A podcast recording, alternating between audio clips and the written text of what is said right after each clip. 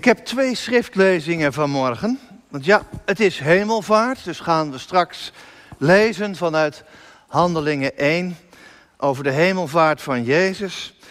Maar het is ook bevestiging van bestuursleden. En dus lezen we uit Exodus 18 over het management van Mozes. En dat gaat niet helemaal goed. We beginnen met Exodus 18. Exodus 18 vanaf vers 5.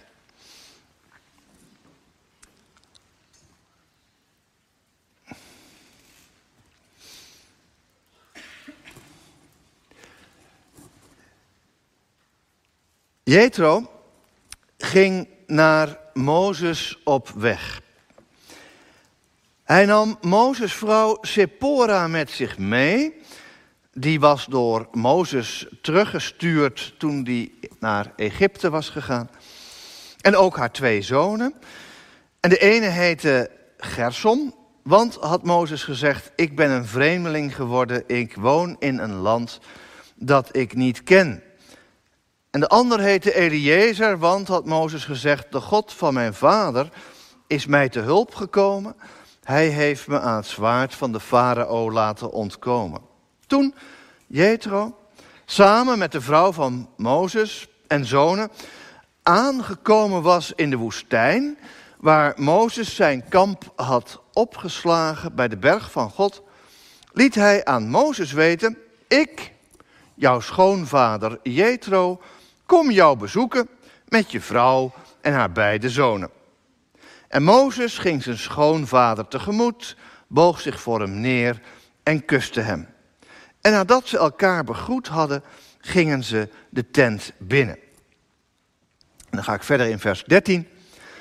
De volgende dag sprak Mozes recht over dat volk wat hij geleid had uit Egypte de woestijn in op weg naar het beloofde land. Maar ze zitten nu nog in de woestijn. En van morgens vroeg tot s avonds laat stonden de mensen om hem heen.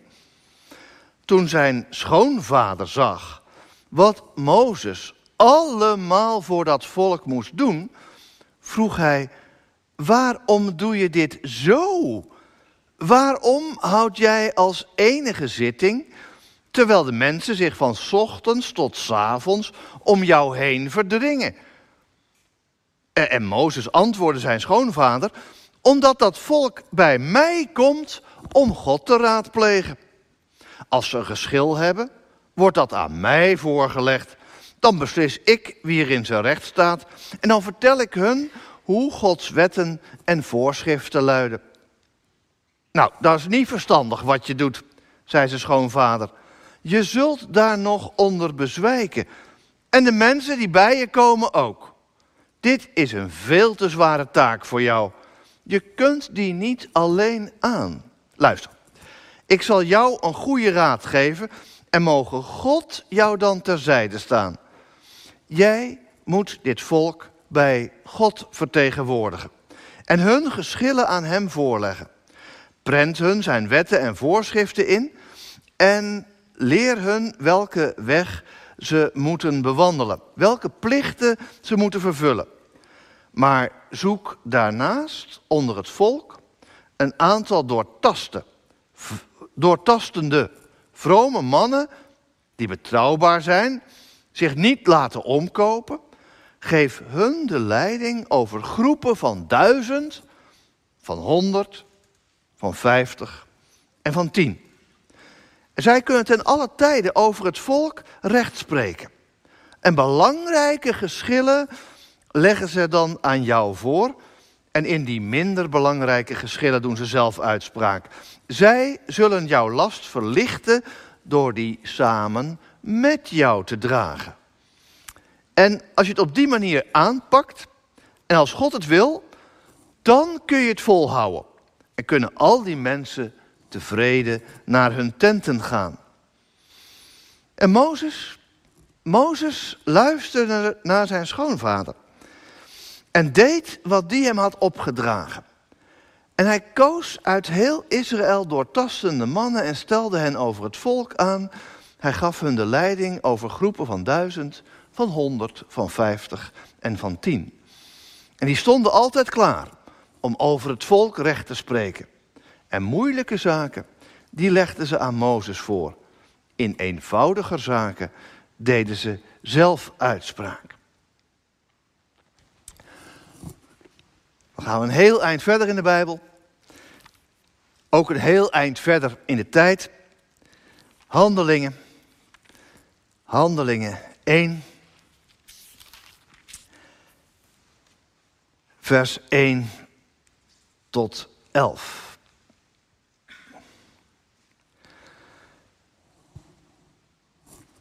In mijn eerste boek, dit handeling is geschreven door Lucas. En het Evangelie van Lucas is het eerste boek wat hij geschreven heeft. In mijn eerste boek, Theophilus, heb ik de daden en het onderricht van Jezus beschreven vanaf het begin.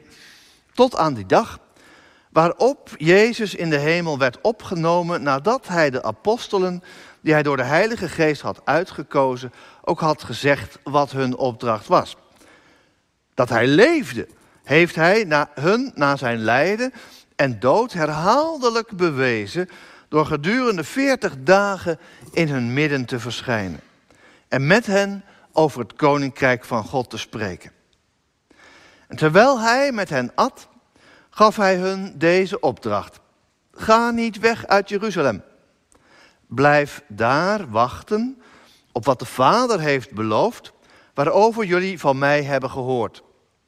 Johannes doopte met water. Maar binnenkort worden jullie gedoopt met de Heilige Geest. En zij die daar bijeen waren, vroegen hem: Heer, gaat u dan binnen afzienbare tijd het koningschap over Israël herstellen? Hij antwoordde: Het is niet aan jullie om te weten wat de Vader in zijn macht heeft vastgesteld over de tijd en het ogenblik waarop die gebeurtenissen zullen plaatsvinden.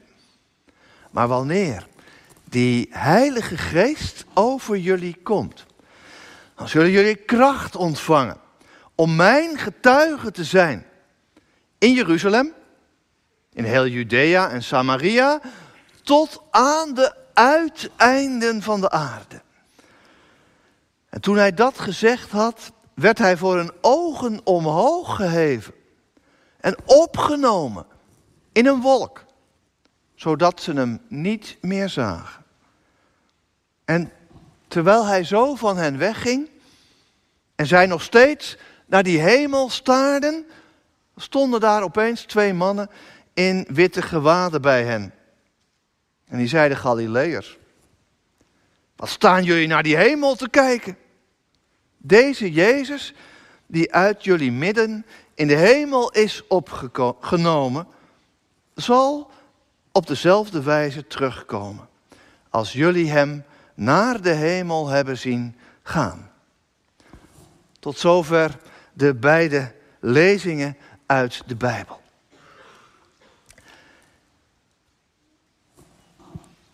Broeders en zusters, do you really care? Dat is een vraag in het Engels die in mijn ziel zit gebrand. Sinds ik een jongen van 17 was. Dat was in 1980, kunt je uitrekenen hoe oud ik ben. In 1980 op een one-way day, een grote evangelische jongerensamenkomst in Amsterdam, in de Jaap Edehal. Daar sprak Floyd McClung, een Canadees, vandaar dat Engels. Hij was leider van een zendingsteam van jeugd met een opdracht. Een organisatie die zich in Amsterdam richt op het wrakhout van de samenleving.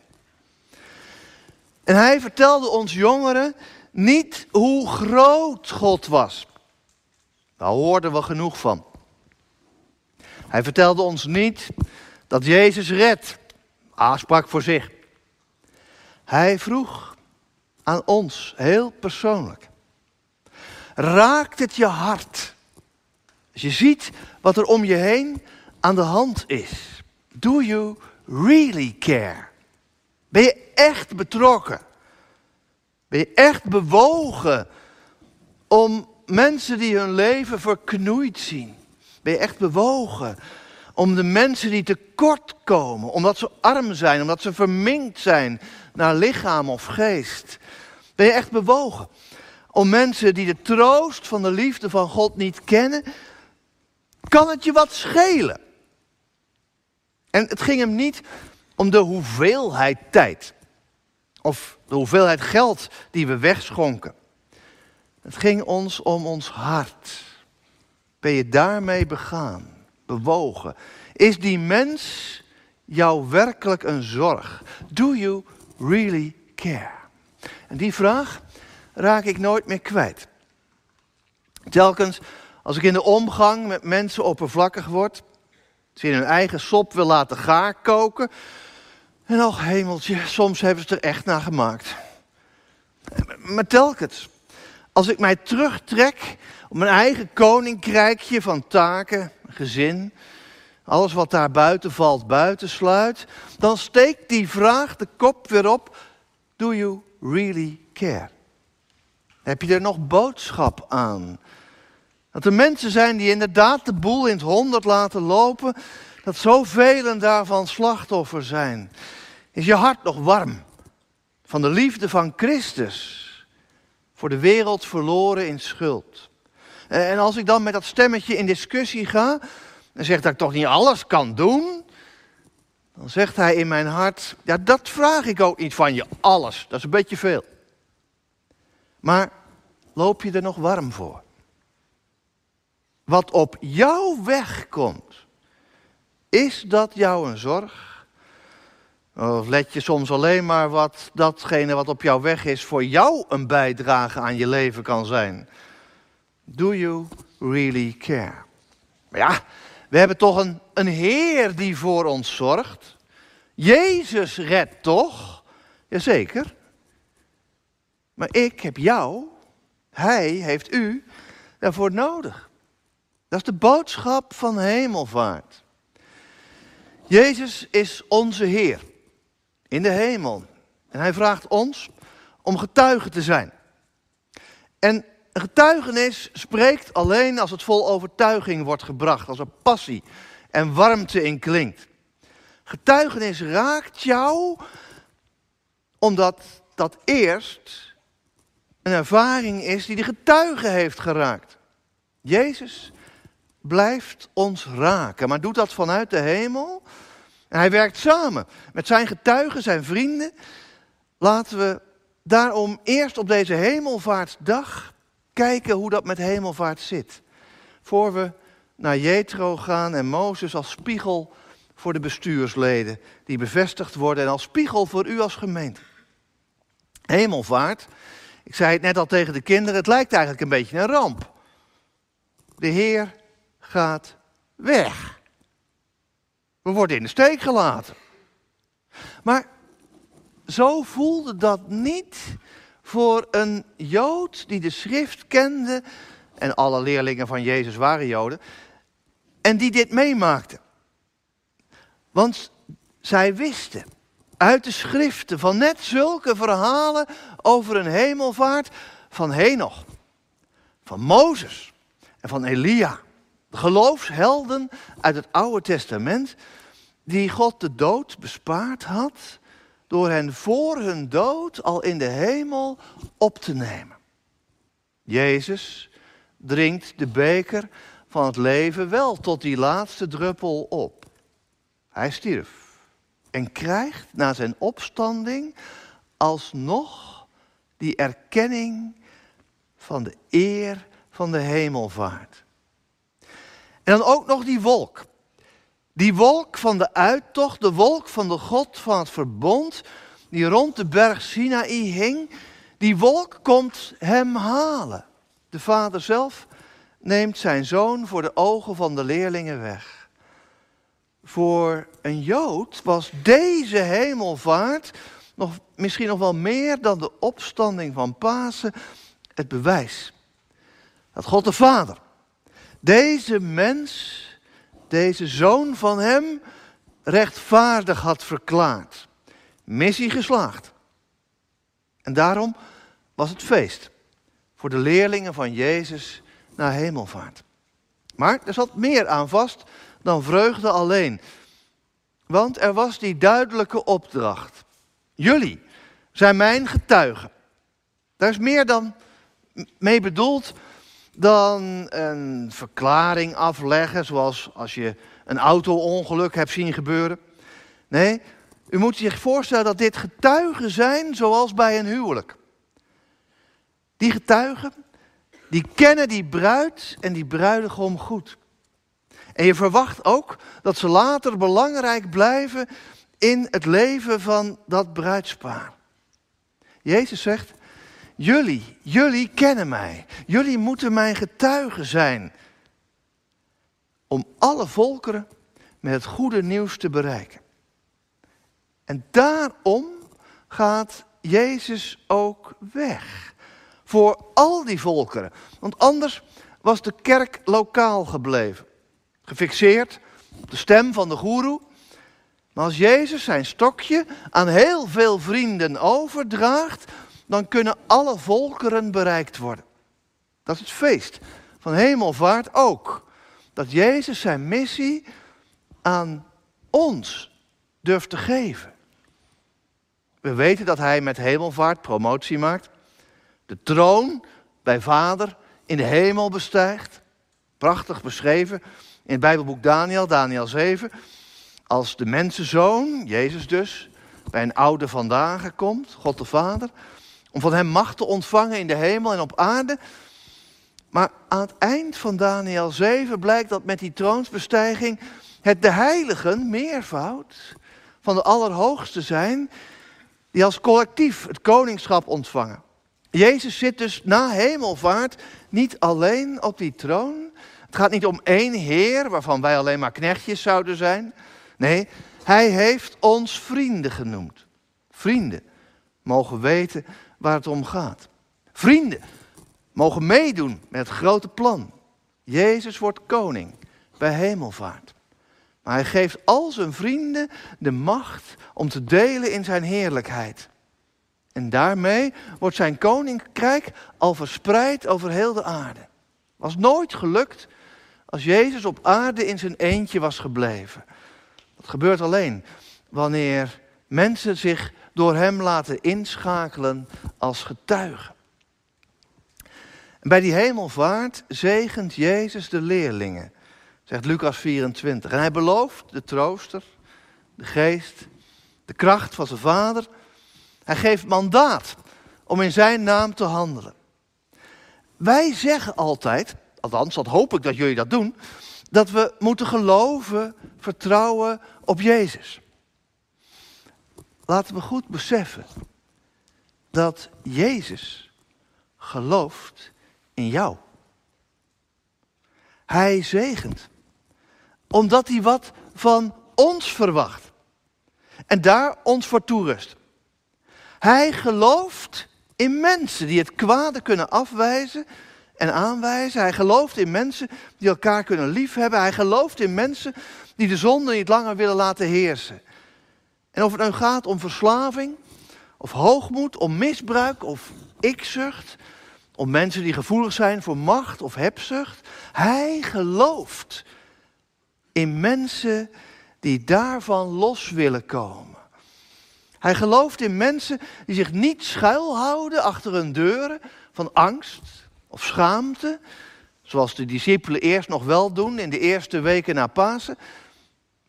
Maar hij gelooft dat u en ik, frank en vrij, durven te getuigen.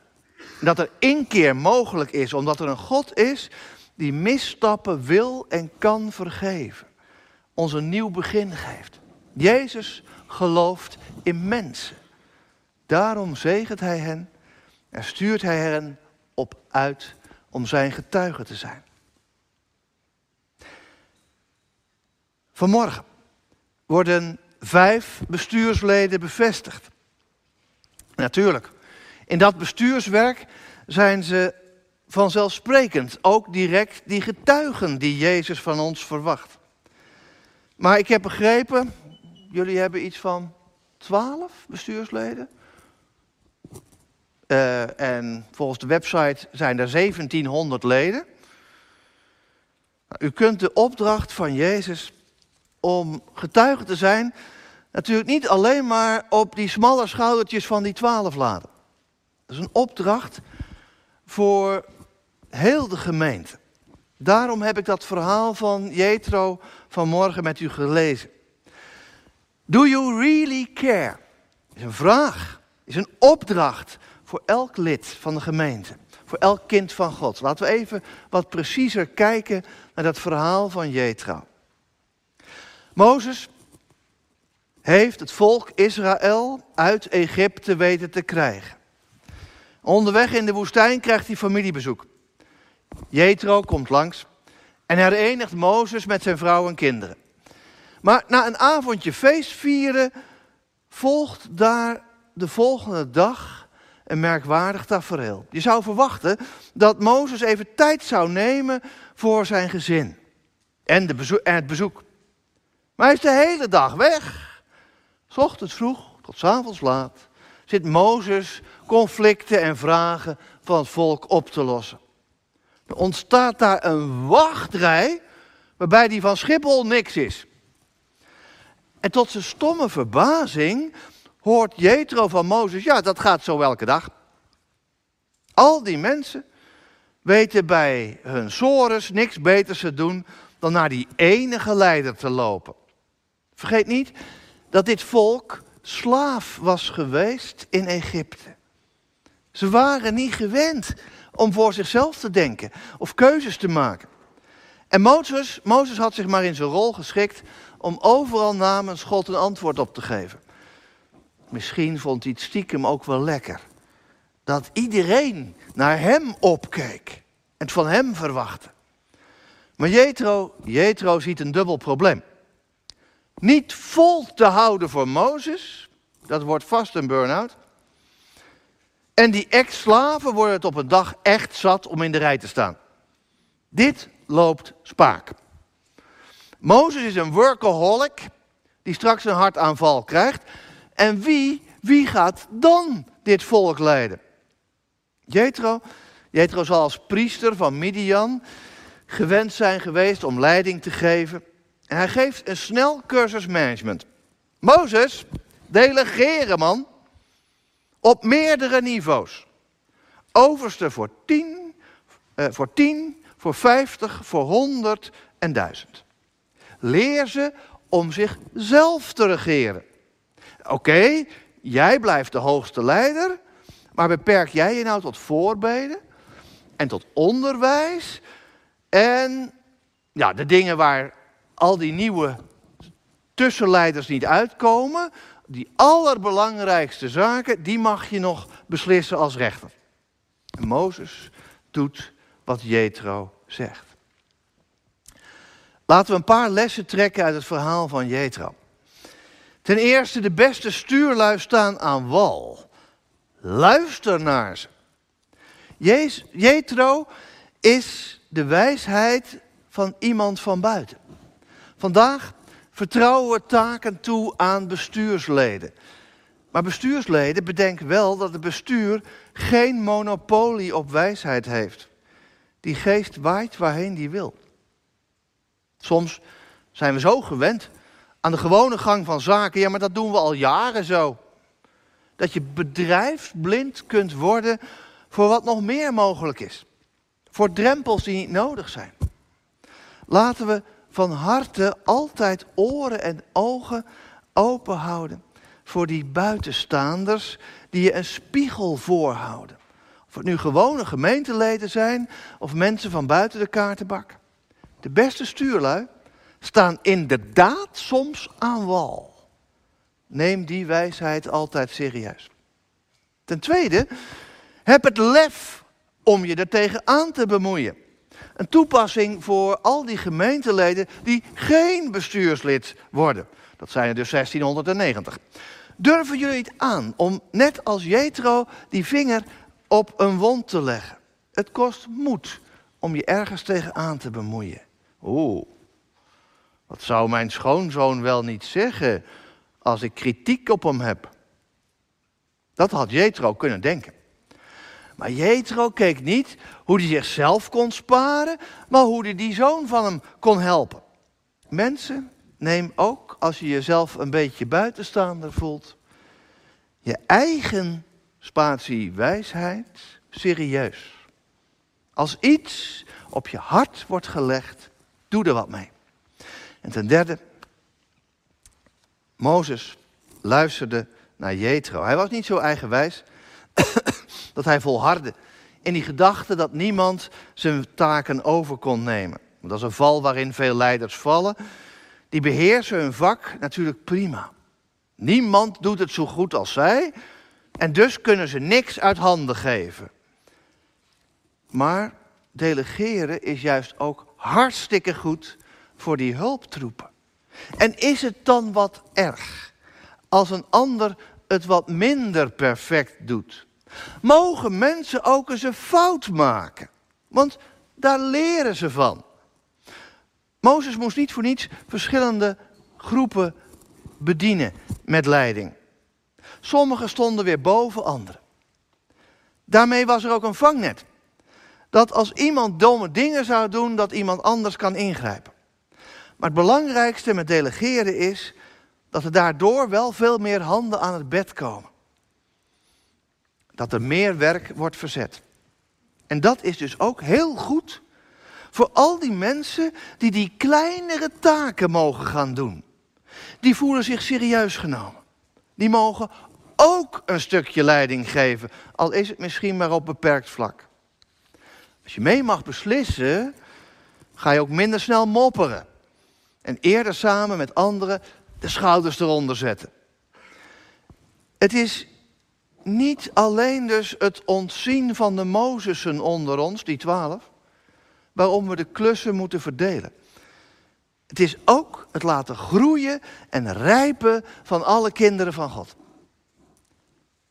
Dus, bestuur van Kruispunt, blijf vooral ook delegeren. Zo blijven jullie een aantrekkelijke gemeente. Terug, terug naar mijn vraag van het begin. Do you really care? Dat gaat met het advies van Jethro niet alleen over andere mensen, maar ook nog over onszelf. Het grote gebod, u kent het allemaal, u zult uw God lief hebben en uw naaste als uzelf. Als uzelf. U mag dus ook zorgzaam zijn voor uzelf, om te zorgen dat u niet overwerkt raakt, als bestuurslid of met welke andere klus dan ook. Jullie zullen mijn getuigen zijn, zegt Jezus. Maar weet dan te kiezen tot welk getuigenis je geroepen bent en wat je mag laten liggen. Daar heb ik tot slot een heel klein verhaaltje over. Ooit ging er een oververmoeide wereldverbeteraar naar zijn leermeester en klaagde zijn nood dat hij zoveel had geprobeerd en zo weinig had bereikt. Zijn meester stond op, nam een schepje theeblaadjes, hij liep naar de rand van het meer en gooide die erin. Even zag je daar een beetje kleur in het water, maar die vervluchtigde al snel in die enorme watermassa. Daarna schepte hij een nieuw lepeltje theeblaadjes in een kopje, schonk daar heet water op. Dat water kleurde roodbruin en geurde heerlijk. De meester nam een slok van zijn thee en zei tegen zijn leerling: Zo'n groot meer kan door één lepel niet veranderd worden, maar een kopje thee wel. Hij keek die leerling aan en sprak: Streef het mogelijke na, jaag het onmogelijke niet na en leer het onderscheid tussen beide goed kennen. Do you really care? Blijf bevlogen. Wees getuige. Broeders en zusters, bestuursleden, vrijwilligers, elk lid. Zoek ieder uw eigen kopje in en om uw kerk. Strooi uw theebladeren, kleur uw water. En besef altijd dat op hemelvaart Pinksteren volgt. Jezus gelooft in jou en mij met hemelvaart dat wij zijn getuigen kunnen zijn. Maar schenkt daarna de geest van boven om ons daartoe ook bekwaam te maken. Dat geeft moed om het theewater op te zetten. Hier in Kruispunt en waar Hij ons ook maar toe roept. Zullen wij samen met elkaar gaan bidden.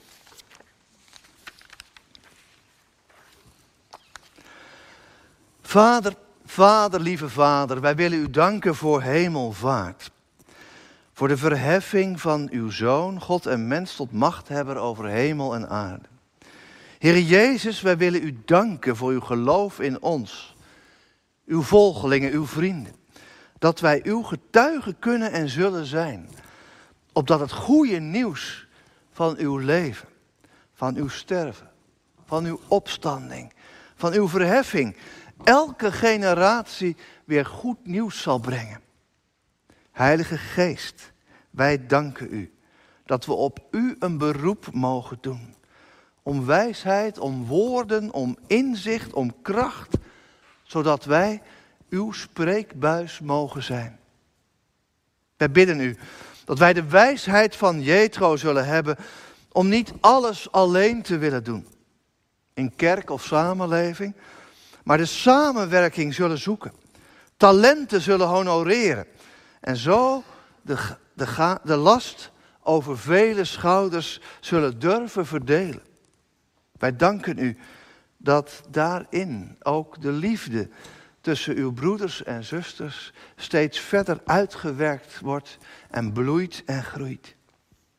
Vader, als dan straks vijf bestuursleden een zegen zullen ontvangen, bidden wij u voor hen. Dat ze een wolk van andere getuigen om zich heen mogen ervaren bij al hun werk. Dat ze samen met die hele gemeente mogen bouwen aan uw koninkrijk. Vader, wij bidden u om een brandend hart voor uw evangelie en uw kerk. Voor de mens die u op ons pad plaatst. Laat uw koninkrijk komen, ook door het getuigenis dat wij mogen brengen. Amen.